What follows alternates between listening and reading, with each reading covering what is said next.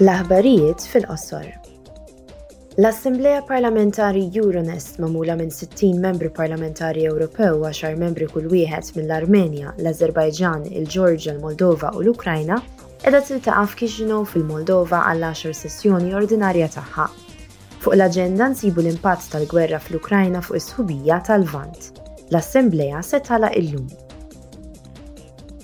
Il-Kumitat ta' Inkjesta biex jinvestiga l-użu ta' Pegasus u ta' software ta' spjunaġġ għas-sorveljanza ekwivalenti jinsab f'Budapest. Il-Membri Parlamentari Ewropej qed jitgħallmu aktar dwar allegazzjonijiet ta' abbuż ta' software ta' spjunaġġ immirat lejn ġurnalisti, l-Oppożizzjoni u s-soċjetà ċivili.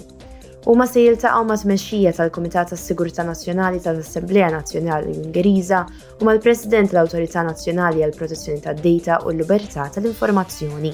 kif ukoll ma' ġurnalisti u NGOs.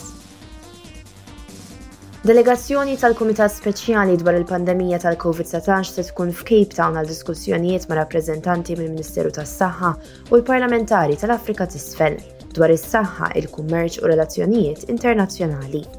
Il-membri parlamentari Ewropej se jżuru wkoll kumpanija farmaċewtika li tagħmel u tqassam il-vaċċini fl-Afrika.